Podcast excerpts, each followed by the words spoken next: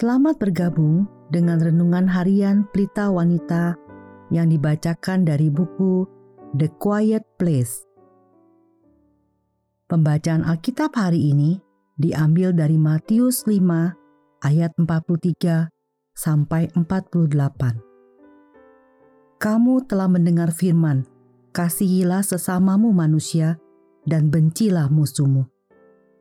Tetapi aku berkata kepadamu, kasihilah musuhmu dan berdoalah bagi mereka yang menganiaya kamu. Karena dengan demikianlah kamu menjadi anak-anak Bapamu yang di surga, yang menerbitkan matahari bagi orang yang jahat dan orang yang baik, dan menurunkan hujan bagi orang yang benar dan orang yang tidak benar. Apabila kamu mengasihi orang yang mengasihi kamu, apakah upahmu? Bukankah pemungut cukai juga berbuat demikian? Dan apabila kamu hanya memberi salam kepada saudara-saudaramu saja, apakah lebihnya daripada perbuatan orang lain?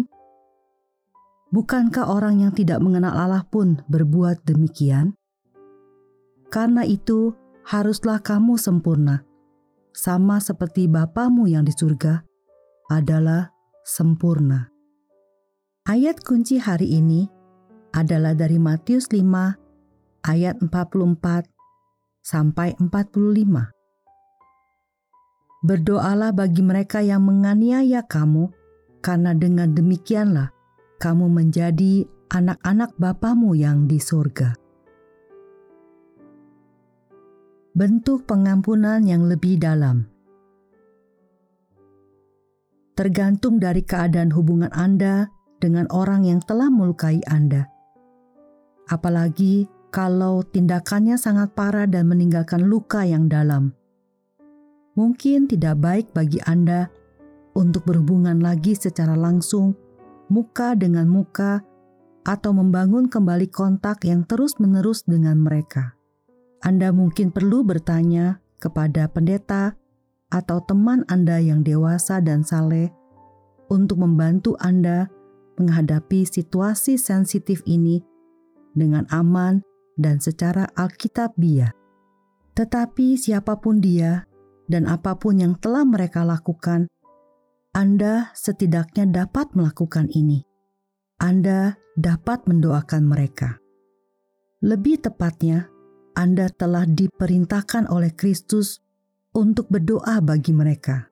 Anda mungkin mengeluh dan berkata, "Saya rasa saya tidak akan pernah bisa mendoakan anugerah Allah untuk pria atau wanita itu. Saya bahkan tidak ingin Allah memberkati mereka.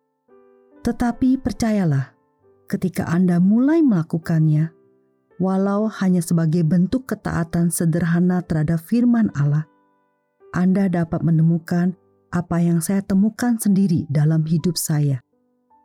Anda tidak dapat berlama-lama membenci seseorang yang Anda doakan. Seseorang yang Anda minta Allah berkati dan pulihkan hubungan yang benar dengannya. Tujuan utama kita untuk orang tersebut adalah perdamaian mereka yang pertama dan paling utama dengan Allah.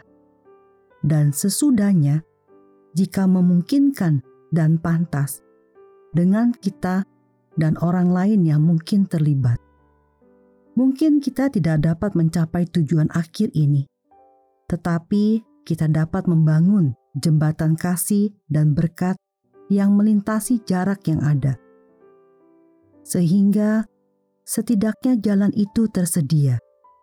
Bagaimana mereka menanggapinya nanti, itu terserah mereka, tetapi bagaimana bisa kita mempertahankan dinding pemisah, menolak untuk meminta berkat dan pemulihan bagi mereka. Sementara kita sendiri berharap untuk mengalami persekutuan yang indah dengan Allah.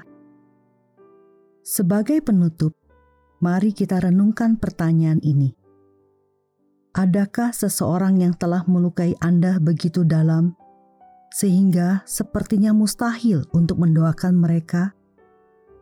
Juru selamat yang sama yang telah berdoa untuk pengampunan bagi musuhnya ketika Dia menderita di atas salib dapat membantu Anda sanggup berdoa agar Allah menebus dan memulihkan musuh Anda.